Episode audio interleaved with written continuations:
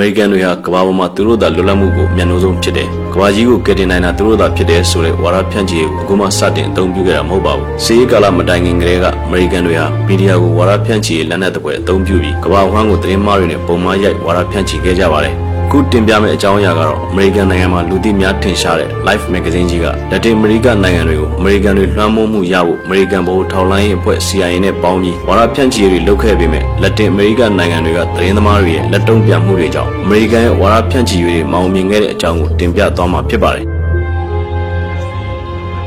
Life Magazine ဟာဆယ်စုနှစ်ပေါင်းအတော်ကြာကမ္ဘာမှာလူသိများကြော်ကြားတဲ့ magazine တစ်စောင်ဖြစ်ခဲ့ပါတယ်။ ကျူးဘားနိုင်ငံမှာကတ်စတိုဥဆောင်တဲ့ကွန်မြူနစ်တော်လှန်ရေးအောင်မြင်ပြီးနောက်မှာကမ္ဘာအနောက်ဘက်ခြမ်းနိုင်ငံတွေဟာကွန်မြူနစ်စနစ်ကိုစိုးရိမ်လာကြသလို Life Magazine ကလည်းစီးရဲတိုက်ပွဲကိုအွန်လိုင်းမှုအတွက်သူတို့အနေနဲ့ကူညီရမယ်လို့1962ခုနှစ်မှာကြေညာခဲ့ပါတယ်။ဘိုးအမေရိကနဲ့တောင်အမေရိကနိုင်ငံတွေဟာလည်းစီးပွားရေးကိုဗဟိုပြုပြီးအမေရိကန်အရင်းရှင်စနစ်နဲ့ဆိုဗီယက်ကွန်မြူနစ်စနစ်တို့အားပြိုင်တဲ့အဓိကစစ်မြေပြင်ဖြစ်လာခဲ့ပါတယ်။အ မေရိကန်ဗဟိုထောက်လှမ်းရေးအဖွဲ့ CIA ရဲ့ကျူးဘားကောင်းဆောင်ကတ်စတိုကိုအချိန်ချင်းလှုပ်ကြံမှုကြိုးပမ်းချက်တွေမောင်မြင်ခြင်းအပါအဝင်ကျူးဘားနိုင်ငံကိုကျူးကျော်ဖို့ကြိုးစားတဲ့ဘေးရော့ပစ်စစ်စင်ရေးတွေရှုံးနိမ့်ပြီးချိန်မှာတော့အမေရိကန်ဟာသူ့ရဲ့မဟာဗျူဟာကိုပြောင်းလဲဖို့ကြိုးစားခဲ့ပါတယ်။ 1960ခုနှစ်မှာတော့အမေရိကန်သမ္မတဂျွန် F ကနေဒီကကွန်မြူနစ်စနစ်ကျေပြန့်လာတာကိုထိန်းချုပ်ဖို့ The Alliance for Progress ဆိုတဲ့အစီအစဉ်ကိုစတင်မိတ်ဆက်ပေးပြီးဒီအစီအစဉ်အရကျူးဘားနိုင်ငံနဲ့မဆက်ဆံတဲ့တောင်အမေရိကနိုင်ငံတွေကိုစီးပွားရေးနဲ့ဖွံ့ဖြိုးတိုးတက်ရေးအကူအညီတွေထောက်ပံ့ပေးမှာဖြစ်ပါတယ်။ This initiative is by Life Magazine. ဒီစီမံကိန်းကိုရှေ့တန်းကအကောင့်ထဲပေါ်သွားတာကတော့ Live Magazine ဖြစ်ပြီး Live Magazine ရဲ့ editor ချုပ် Henry Lu ဟာလည်း John F Kennedy နဲ့အလွန်ရင်းနှီးသူတူပါ Washington, D.C.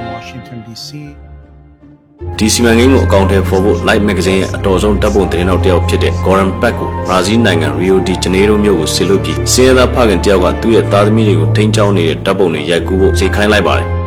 Foreign Pack ဟာဘရာဇီးမှာရှိတဲ့လူမျိုးရေးခွဲခြားမှုတွေနဲ့ဆင်းရဲချမ်းသာကွာမှုတွေကိုအမေရိကန်မှာရှိတဲ့လွတ်လပ်မှုတွေနဲ့နှိုင်းယှဉ်ပြီးဖော်ပြတဲ့ဓာတ်ပုံသတင်းတွေနဲ့လူသိများလာသူတစ်ယောက်ပါ Goran Pack ဟာဖခင်တွေကိုဓာတ်ပုံရိုက်ခဲ့ရမယ့်အစား Flavio ဆိုတဲ့လူငယ်လေးတစ်ယောက်ရဲ့ဓာတ်ပုံတွေကိုရိုက်ကူးယူလိုက်ပါတယ်။ Flavio ရဲ့နေ့စဉ်ဘဝကတော့သူ့ရဲ့ညီလေးကိုချီပြီးဘရာဇီးနိုင်ငံ Rio de Janeiro မြို့မှာရှိတဲ့ဆင်းရဲသားရပ်ကွက်တစ်ခုဖြစ်တဲ့ Catacumba အရက်မှာရှောက်သွားနေခြင်းပါပဲ။ဒီဓာတ်ပုံတွေကိုပေါ်ရောကလည်းတိုရန်တိုမြို့မှာရှိတဲ့သူ့ရဲ့ image center မှာ Flavio Story ဆိုတဲ့နာမည်နဲ့ဓာတ်ပုံပြပွဲတစ်ခုပြုလုပ်ခဲ့ပါသေးတယ်။ အဲ့ဒီဓာတ်ပုံတွေကဆင်းရဲဒုက္ခခံစားနေရတဲ့လူငယ်တစ်ယောက်ရဲ့ဘဝကိုဖော်ပြချင်တာတဲ့သူ့ editor လိုချင်တဲ့တောင်အမေရိကတိုက်မှာ communist ကိုဘယ်လောက်ဆိုးဆိုးရွားရွားခံစားနေရတယ်ဆိုတာကို Gorin Beck ကပြချင်တာအပြလို့ Riason Image Center ရဲ့ညွှန်ကြားရေးမှူး Paul Rock ကပြောပြပါတယ်။အဲ့ဒီပုံတွေကို Live Magazine မှာဖော်ပြဖို့အတွက်စီစဉ်ညွှန်ကြားမှုတွေကိုလည်း editor ချုပ်ကိုယ်တိုင်ပြုလုပ်ခဲ့ပါတယ်။ သူတို့ဟာအဲ့ဒီဓာတ်ပုံသတင်းရဲ့နာမည်ကိုလွတ်လပ်ဖို့အတွက်ကြောင်းရွံ့နေရှာတဲ့စင်းရဲသားလေးဖိုလို့အမည်ပေးခဲ့ကြပြီးဓာတ်ပုံကိုပုံမစိတ်ဝင်စားမှုရှိအောင်အယောင်မထည့်ပဲအဖြူအမဲနဲ့မဂဇင်းရဲ့ပထမ10မျက်နှာမှာဖော်ပြလိုက်ပြီးအင်္ဂလိပ်ဘာသာနဲ့ထုတ်ဝေတယ်လို့တောင်အမေရိကတိုက်မှာရှိတဲ့စပိန်ဘာသာစကားပြောနိုင်ငံတွေအတွက်လည်းစပိန်ဘာသာနဲ့ထုတ်ဝေခဲ့ကြပါတယ်ဒီလိုအဖြစ်အပျက်မျိုးဟာလက်တင်အမေရိကနိုင်ငံအများစုမှာတွေ့နေကြဖြစ်ပေမဲ့ကွန်မြူနစ်စနစ်နဲ့ကတ်စတိုကိုယုံကြည်လိုက်ရင်ဒီအဖြစ်အပျက်တွေဟာဒီထက်ပိုဆိုးလာဖို့ပဲရှိတယ်လို့ Life Magazine ကသူ့ရဲ့စာဖတ်ပြည်သက်ကိုအကြံပြုထားပါသေးတယ် ဒါက John F Kennedy ရဲ့ Alliance for Progress စီမံကိန်းကိုအားဖြည့်ပေးလိုက်တဲ့သဘောပါ။မဂ္ဂဇင်းရဲ့ပထမဆုံးနှစ်မျက်နှာမှာတော့မောပန်းစွာအိမ်မောကျနေတဲ့ဖခင်တယောက်ရဲ့အနီးမှာငိုကြွေးနေတဲ့ကောင်မလေးတယောက်ရဲ့ဓာတ်ပုံကိုအပြည့်ဖော်ပြထားပြီးအဲ့ဒီနောက်မှာတော့ဒေါင်လိုက်ဓာတ်ပုံသုံးပုံနဲ့ဘရာဇီးနိုင်ငံ Rio de Janeiro မြို့ကဆင်းရဲသားရက်ကွက်ရဲ့ဘဝတွေကိုဖော်ပြထားပါတယ် Those who seen ။သုံးပုံတွေကပထမပုံမှာခွေးကိုက်ခံရလို့ငိုနေတဲ့ကလေးတယောက်ဒုတိယပုံမှာ Rio de Janeiro မြို့ရဲ့အထင်ကရယေရှုကြောက်ရွံ့ကြီးကိုနောက်ခံထားပြီးဆင်းရဲသားရက်ကွက်ကိုရိုက်ပြထားတယ်လို့ နောက်ဆုံးပုံမှာတော့ Flavio ရဲ့ညီဇာကာရီယာတယောက်တည်းလှည့်ပတ်သွားနေတဲ့ပုံကိုပြထားပါတယ် next two-page spread. နောက်နှစ်မျက်နှာမှာတော့ Flavio ရဲ့ပုံအပြည့်ကိုဖော်ပြထားပြီးမိသားစုရဲ့တနေ့တာဘဝဟာအာယုံမှစတင်တယ်လို့စာတမ်းထုတ်ပေးထားပါတယ် Three action photos. လှူရှားမှုတပ်ပုံတွေအနေနဲ့ကတော့မိသားစုကိုစောင့်ရှောက်ပေးနေတဲ့ Flavio ရဲ့တပ်ပုံတွေကိုပြထားပြီးမိသားစုတောင်းတွေပြီးနေတဲ့ကောင်လေးလို့စာတမ်းထိုးထားကရင်ကျက်ယောဂခံစားနေရပြီးအာဟာရမပြေဝမှုကြောင့်မကြခင်မှာတည်ဆုံသွားနိုင်တယ်ဆိုတဲ့စာတမ်းထိုးထားပါတယ် The powerful final နောက်ဆုံးတပ်ပုံအနေနဲ့ကတော့ရင်ကျက်ယောဂခံစားနေရကတက်တာလာတဲ့ Flavio ရဲ့တပ်ပုံကိုသူ့အိမ်ဘေးကတေဆုံးသူတယောက်ရဲ့အလောင်းစင်တစ်ခုပုံနဲ့ရှင်တွဲဖော်ပြထားပြီးအောက်မှာတော့ငါတေမှာမကြောက်ပါဘူးဒါပေမဲ့ငါတေသွားရင်သူတို့ဘယ်လိုဖြစ်ကြမလဲဆိုတာသာပူနေတာပါဆိုတဲ့စာတမ်းထိုးထားပါတယ် including a quote from Flavio. I'm not afraid of death. တုံ့ပြန်မှုတွေကတော့မယုံနိုင်လောက်အောင်ပဲပေါ့ဗျာလူထောင်တောင်းချီပြီးမဂ္ဂဇင်းတိုက်ကိုစာရီပို့ကြတာပေါ့ဗျာလို့ Reason Image Center ရဲ့ညွှန်ကြားရေးမှူး Paul Rock ကပြောပြပါတယ် Life Magazine ရဲ့တချို့ပြည်သက်တွေကလည်း Flavio ရဲ့မိသားစုကိုကယ်ဖို့ငွေတွေပေးဖို့လှူဒန်းကြတယ်လို့အမေရိကန်မှာရှိတဲ့ဘန်းနာရင်ကျက်အထူးကုဆေးရုံကြီးကလည်း Flavio ကိုအခမဲ့ကုသပေးဖို့ကမ်းလှမ်းခဲ့ပါတယ် Hospital အဲဒီနောက်မှာတော့ပြုံးပျော်ရွှင်နေတဲ့ Flavio ရဲ့ရောင်စုံဓာတ်ပုံဖော်ပြထားတဲ့မျက်နှာဖုံးပါမဂ္ဂဇင်းတစ်စောင်ကို Life Magazine ကထုတ်ဝေလိုက်က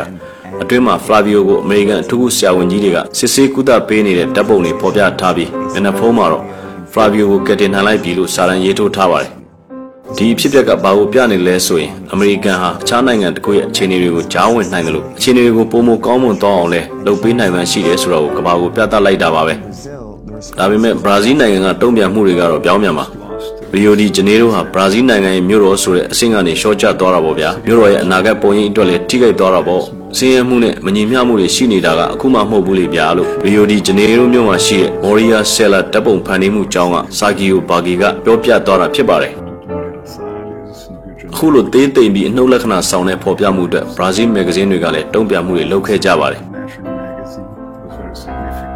Brazilian media in particular criticized Life for choosing to present such a ဘရာဇီးနိုင်ငံရဲ့လူသိများတဲ့အပတ်စဉ်ထုတ်မဂ္ဂဇင်းတစ်စောင်ဖြစ်တဲ့ Marketing မဂ္ဂဇင်းကလည်းအခုလိုကာတွန်းပုံတွေနဲ့တုံ့ပြန်ခဲ့တယ်လို့ဘရာဇီးနိုင်ငံရဲ့လူသိများတဲ့မဂ္ဂဇင်းတစ်စောင်ကလည်းလက်တုံ့ပြန်မှုစီစဉ်ခဲ့ပါတယ် with a song. The caption read, This week, Life made the news. အဲ့ဒါကတော့ Oka Zero မဂ္ဂဇင်းပဲဖြစ်ပါတယ်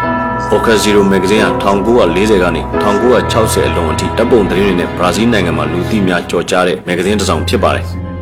အမေရိကန်တပ်ပုံသတင်းနောက် Goran Pack ရဲ့သတင်းတပ်ပုံတွေကိုတုံ့ပြန်မှုသူတို့ရဲ့တပ်ပုံသတင်းနောက် Henry Bello ကိုအမေရိကန်နိုင်ငံနယူးယောက်မြို့ကို Oka Zero မဂ္ဂဇင်းကဆေလွတ်ပြီးအမေရိကန်တွေရဲ့စင်းရဲမွဲတေမှုနဲ့လူဒန်းစားကွာဟမှုတပ်ပုံတွေကိုရိုက်ကူးစေခဲ့ပါတယ်။ Henry Bello ကအမေရိကန်ပြည်ထောင်စုမန်ဟတ်တန်မြို့မှာရွှေ့ပြောင်းအခြေချနေထိုင်နေတဲ့ Puerto Rico နိုင်ငံပွား Gonzalez မိသားစုရဲ့စင်းရဲမွဲတေမှုနဲ့အမေရိကန်တို့ရဲ့ခွဲခြားဆက်ဆံမှုတွေကိုပုံဖော်ဖို့စီစဉ်လိုက်ပါတယ်။ မကြခင်မှာပဲ Oka Zero မဂ္ဂဇင်းကြီးကအမေရိကန်နိုင်ငံတည်ကြီးရဲ့စိတ်ပျက်စရာဘဝများဆိုတဲ့ခေါင်းစဉ်နဲ့ဓာတ်ပုံဇာတ်လမ်းတစ်ပုဒ်ကိုသူ့ရဲ့မဂ္ဂဇင်းမှာဓာတ်ပုံတွေနဲ့ဝေဝေဆာဆာဖော်ပြလိုက်ပါတယ်။အဲဒီဓာတ်ပုံရဲ့အောက်မှာတော့ဒီလိုစိတ်ချမ်းမြေ့စရာတွေဟာကျွန်တော်တို့အတွက်ပဲတည်တံ့ဖြစ်နေတာလားမဟုတ်ပါသေးနဲ့ဗျာဆိုတဲ့စာတမ်းကိုလည်းဖော်ပြထားပါတယ်။အဲဒီစာသားကိုအသက်ဝင်စေဖို့ Life Magazine မှာဖော်ပြခဲ့တဲ့ဓာတ်ပုံတွေကိုပါသူတို့ဓာတ်ပုံတွေနဲ့တပုံချင်းရှင်တွဲဖော်ပြထားပါတယ်။ဓာတ်ပုံတွေကိုအခုလိုတပုံချင်းရှင်တွဲဖော်ပြထားတာကိုတွေ့ရမှာဖြစ်ပါတယ်။ပထမစာမျက်နှာမှာတော့ကလေးချီထားတဲ့ဖခင်တယောက်ရဲ့ပုံကိုပြထားပါတယ်။အဲဒီနောက်မှာတော့ကလေးတူကိုကျွေးနေတဲ့ပုံ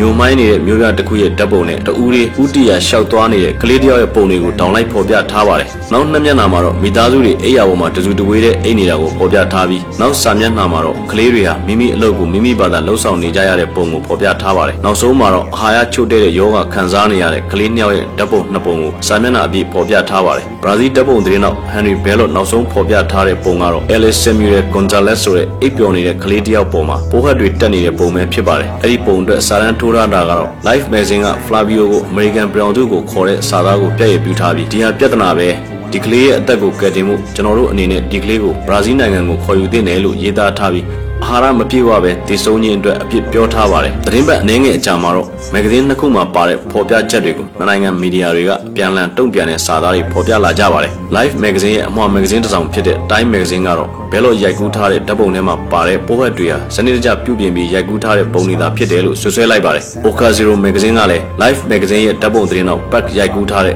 Flavio ရဲ့ဓာတ်ပုံတွေဟာစီစဉ်ရိုက်ကူးထားတဲ့ပုံတွေသာဖြစ်တယ်ဆိုတာကိုသက်သေပြဖို့သူတို့ magazine တိုက်ကဓာတ်ပုံသတင်းတော့ကို Flavio နေထိုင်တဲ့နေရာလွတ်ပြီးဓာတ်ပုံရိုက်ကူးခိုင်းခဲ့ပါတယ်။ဘယ်လိုပဲဆိုသည်ဒီဓာတ်ပုံတွေမှန်ချင်းမှားချင်းကအဓိကမကြပဲနိုင်ငံနှစ်ခုရဲ့ magazine ကြီးနှစ်ဆောင်ဟာသူတို့ဖော်ပြခဲ့တဲ့ဓာတ်ပုံတွေကနေတရက်အကျိုးအမြတ်တွေမရရှိခဲ့ကြပေမဲ့ပြည်သက်အများစုကိုပုံမစိတ်ဝင်စားအောင်ပြုလုပ်နိုင်ခြင်းသူတို့နိုင်ငံတွေရဲ့ဂုဏ်သိက္ခာကိုအမြင့်တင်မှုအတွက်ဝါဒဖြန့်ချီနိုင်ခြင်းနဲ့သူတို့ magazine တွေပုံမရောင်းကောင်းလာခြင်းဆိုတဲ့အကျိုးကျေးဇူးတွေကိုရရှိလိုက်တယ်လို့ကမ္ဘာတဝန်းကပြည်သက်တွေအတွက်ခံစားနိုင်မှုနဲ့စဉ်းစားနိုင်မှုဆိုတဲ့အတည်တရားတစ်ခုကိုလည်းပေးလိုက်နိုင်ပါတယ်အမေရိကန်တွေရဲ့ဆုံးရှုံးမှုကတော့လက်တင်အမေရိကတိုက်မှာ John F Kennedy ရဲ့ Alliance for Progress စီမံကိန်းအတွက်ငွေကြေးအမြောက်အများသုံးစွဲခဲ့ပေမဲ့ထင်သလောက်အောင်မြင်မှုမရရှိခဲ့ခြင်းပဲဖြစ်ကြောင်းတင်ပြလိုက်ရပါတယ်